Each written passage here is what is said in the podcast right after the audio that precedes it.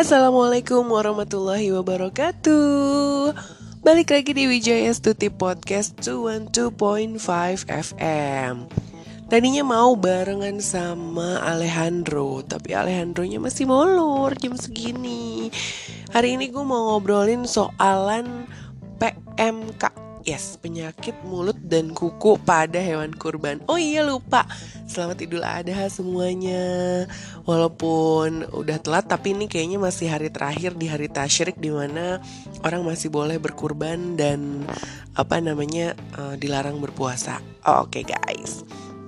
Sebenarnya waktu sebelum Idul Adha tuh berita PMK tuh kayak udah yang ke mana-mana ya. Maksudnya udah kayak bikin orang jadi uh, apa namanya hmm, takut lah buat berkurban atau apa. Tapi aku lumayan shock juga sih waktu lihat uh, hewan kurban sapi di komplek aku yang lumayan jumlahnya banyak hampir 21 ekor sapi guys. Wow keren kan?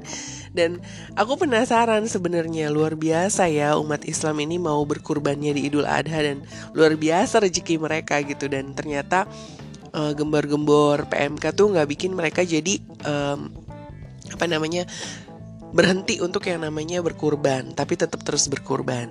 Nah guys uh, gue baru tahu setelah uh, apa namanya terjadi alias kejadian. Jadi ternyata waktu gue uh, tanggal 10 waktu Idul Adha itu kan uh, adalah mereka habis setelah sholat Idul Adha langsung uh, motong hewan kurban ya. Ya walaupun tahun ini Idul Adha hanya sholatnya juga berbeda hari seperti Idul Fitri, tapi insya Allah perbedaan itu indah ya guys. Jadi aman-aman aja. Nah, terus uh, ada kepikiran tuh ada dua grup yang sapinya kena PMK tapi tidak dengan uh, gejala yang serius. Hmm, apakah syariat Islamnya masih dapat ya? Jadi sebenarnya itu nggak masalah. Emang sih ada satu hadis yang bilang jangan mengorbankan hewan kurban yang sakit.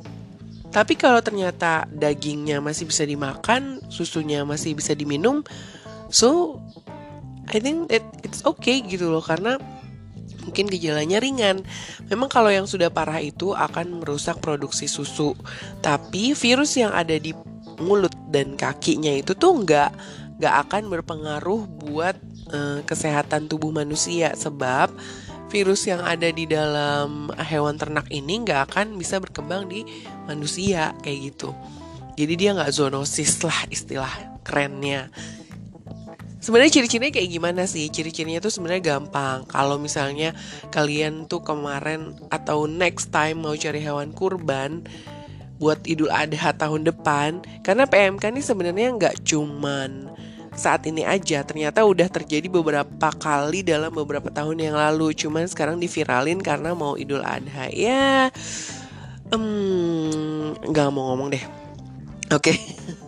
balik lagi ke ciri-ciri hewan kur hewan kurban atau hewan ternak yang kena PMK atau penyakit mulut dan kaki. Yang pertama tuh dia bisa panas, suhu panas derajat tubuhnya itu bisa sampai 41 derajat dan bahkan si hewan ternak ini bisa menggigil. Oh ya, yang bisa terkena PMK ini biasanya hewan-hewan ternak yang besar ya, kayak sapi, kerbau, babi, kuda, dan lain-lain uh, virus ini datangnya dari bisa dari cuaca, bisa dari udara, bisa dari makanan, banyak rupanya. Nah, balik lagi ke ciri-ciri PMK tadi, dia bisa menggigil sampai 41 derajat Celcius. Panas banget badannya. Kemudian ada kayak air liur berlebihan keluar. Nah, terus kakinya tuh ada kayak luka-luka lesi kayak gitu deh. Dan ini akan membuat produksi susunya tuh jadi turun. Tapi untuk yang kalau yang kena masih anak-anak biasanya nih bisa sampai paling parahnya menyebabkan kematian. Kodarullahnya alhamdulillah tidak berpengaruh di daging dan e, susu yang dihasilkan oleh hewan ternak yang terkena PMK. Alhamdulillah, tapi kita tetap harus berhati-hati. Jadi kalau bisa masak hewan kurbannya itu dagingnya itu harus dengan matang terus udah gitu uh, apa namanya ada yang bilang sih beberapa profesor yang udah ahli taruh dulu di freezer eh taruh dulu di apa namanya lemari bagian pendingin baru dimasukin ke freezer untuk matiin virusnya. Ada yang bilang gitu. Ada yang bilang sebelum dimasak atau disimpan di lemari kulkas di lemari kulkas maksud gue frozen atau di freezer itu uh, baiknya direbus terlebih dahulu. Oke balik lagi ke kalian. Intinya adalah bersihkan sebersih bersihnya hewan kurban dicuci bersih kemudian uh, apa namanya kalau kalau aku aku pribadi sih tipikal orang yang kalau dapat hewan dapat kiriman hewan kurban biasanya aku langsung masukin ke freezer. Setiap aku mau masak baru aku cuci. Karena kalau aku cuci dulu baru aku masukin ke freezer aku takutnya ada air yang tersisa jadinya malah menambah uh, berkembang biakan virus itu di dalam dagingnya gitu sih oke okay?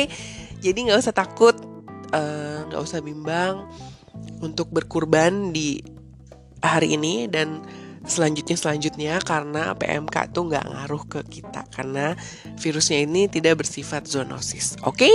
see you when I see you and sampai ketemu lagi di Wijaya Stuti Podcast selanjutnya.